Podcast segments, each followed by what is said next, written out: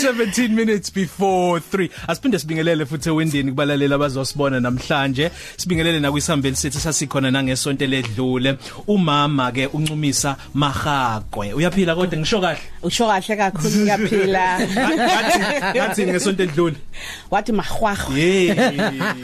Kubhalwe kanjalo kodwa. Hayi labantu abaproduceayo we oh.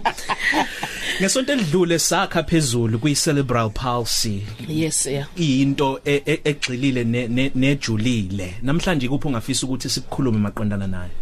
Namhlanje nifisa sikhulume ngokuthi lo mntana sendinaye ongu cerebral palsy ngisizakala kanjani ngaye?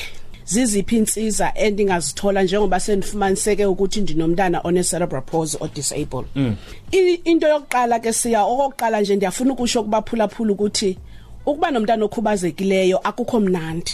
I-treatment endiye ndiyitsho ke bazalini eh usizo lokuqala ukuthi yamkela lo mntana njengoba ekhubazekile. That's the first treatment. Eyesibini sukuhlala naye ekhaya hamba uye ku ku ku ekliniki uye kwisibedlele apho uzokolulekwa khona ngama therapist asinalo igama lesizulu ama therapist ama therapist esinawo ke siya kukho i occupational therapist le mina ndiyo kukho i physiotherapist kukho i speech therapist kukho ne audiologist kulama therapist ngawo ke akwaziyo oh ndingawashiyi u dietitian ne psychologist siyayifuna because psychologist sube izosizana ne ne, ne emotional part yomzali. Mm. siyasebenzisana ke siya kwizibedlele eh mina bengisebenza kuso engasasebenzi kuso kodwa. Eh sisebenza as a team because umntana one cerebral palsy awukwazi nje uthi uzotreatwa ngumuntu oyedwa.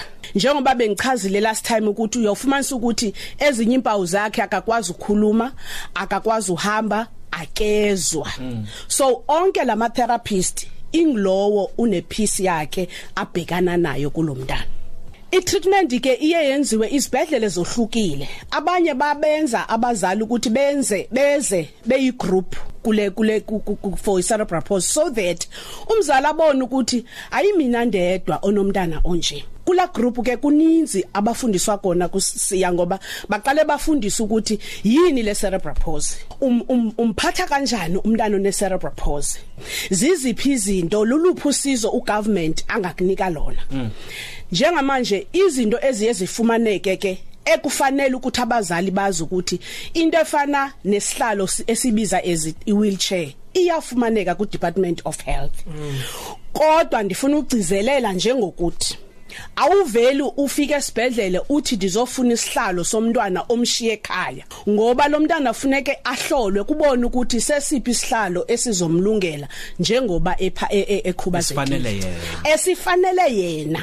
Ngoba imistake enye yenzekayo kuukuthi eh mina ke kwindawo endisebenza enisuka kuye empangeni ndabafundisa umphakathi ukuthi awukwazi uvela uthi uzofuna isihlalo umntana singaboni ukuthi u- u- ungusize bani. Ngoba uzakufuna isihlalo ufumana isihlalo esingaphezulu komntana. Simlimaze mhlawumbe Okay so um ngi- ngitholile ke ukuthi ingane yami injena ine ine cerebral palsy um sengithola umsebenzi ngiyasebenza and kuzomela ukuthi phela ngithola umuntu ozomnakekela futhi naye.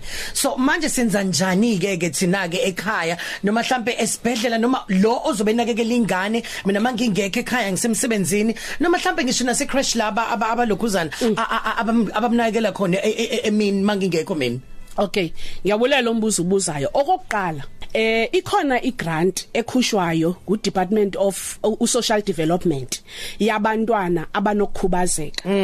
And on top of that, uma unalomntana okhubazeka kunomuntu omsizayo lo mntana ku- kukho igrant esibiza as grant in aid esiza lo muntu ubhekele nalomntana ngaphandleni kwale grant yakhe yena ayitholayo. Oh, khona lukhona igrant in aid. Nakhona kuzuyithole fanele uye esibhedlela uyochaza ukuthi wena ubukekela lengane bayakunikeza nje uhulumeni uyayikhupha lo mali. Nama trainings njalo njalo futhi nawo ukuthi eh mhlambe eh, ingane ungayigada kanjani? Ama trainings ke uwafumana kuma therapist ngoba the time uma numsisa inyanga ngenyanga ayojinyiswa khona. Wena mntu umgadayo fanele ibe uwena ozoba ozoletha lengane ngoba siyakufundisa ukuthi umbamba kanjani umjimisa kanjani umdlisa kanjani umgeza kanjani lo mntwana. Yes. Mm, okay. Sabonga kakhulu mama imininingwane yakho ngiyazi ukuthi babe baningi kakhulu isibalo saka WhatsApp utholakala ayikho kanjani? number se office la. Ayikho. Email Hayi address. no an- an- ang- angihlupheki unikezela ngoba eh isengu 0733628848 Ngiyabonga. Uyi occupational therapist loyo ke uncumisa mahako besikhuluma naye ke ubebuya eh, okwesibili sikhuluma nge cerebral palsy Top 3 Cafe. Ilunch yakho ayifani neyizolo.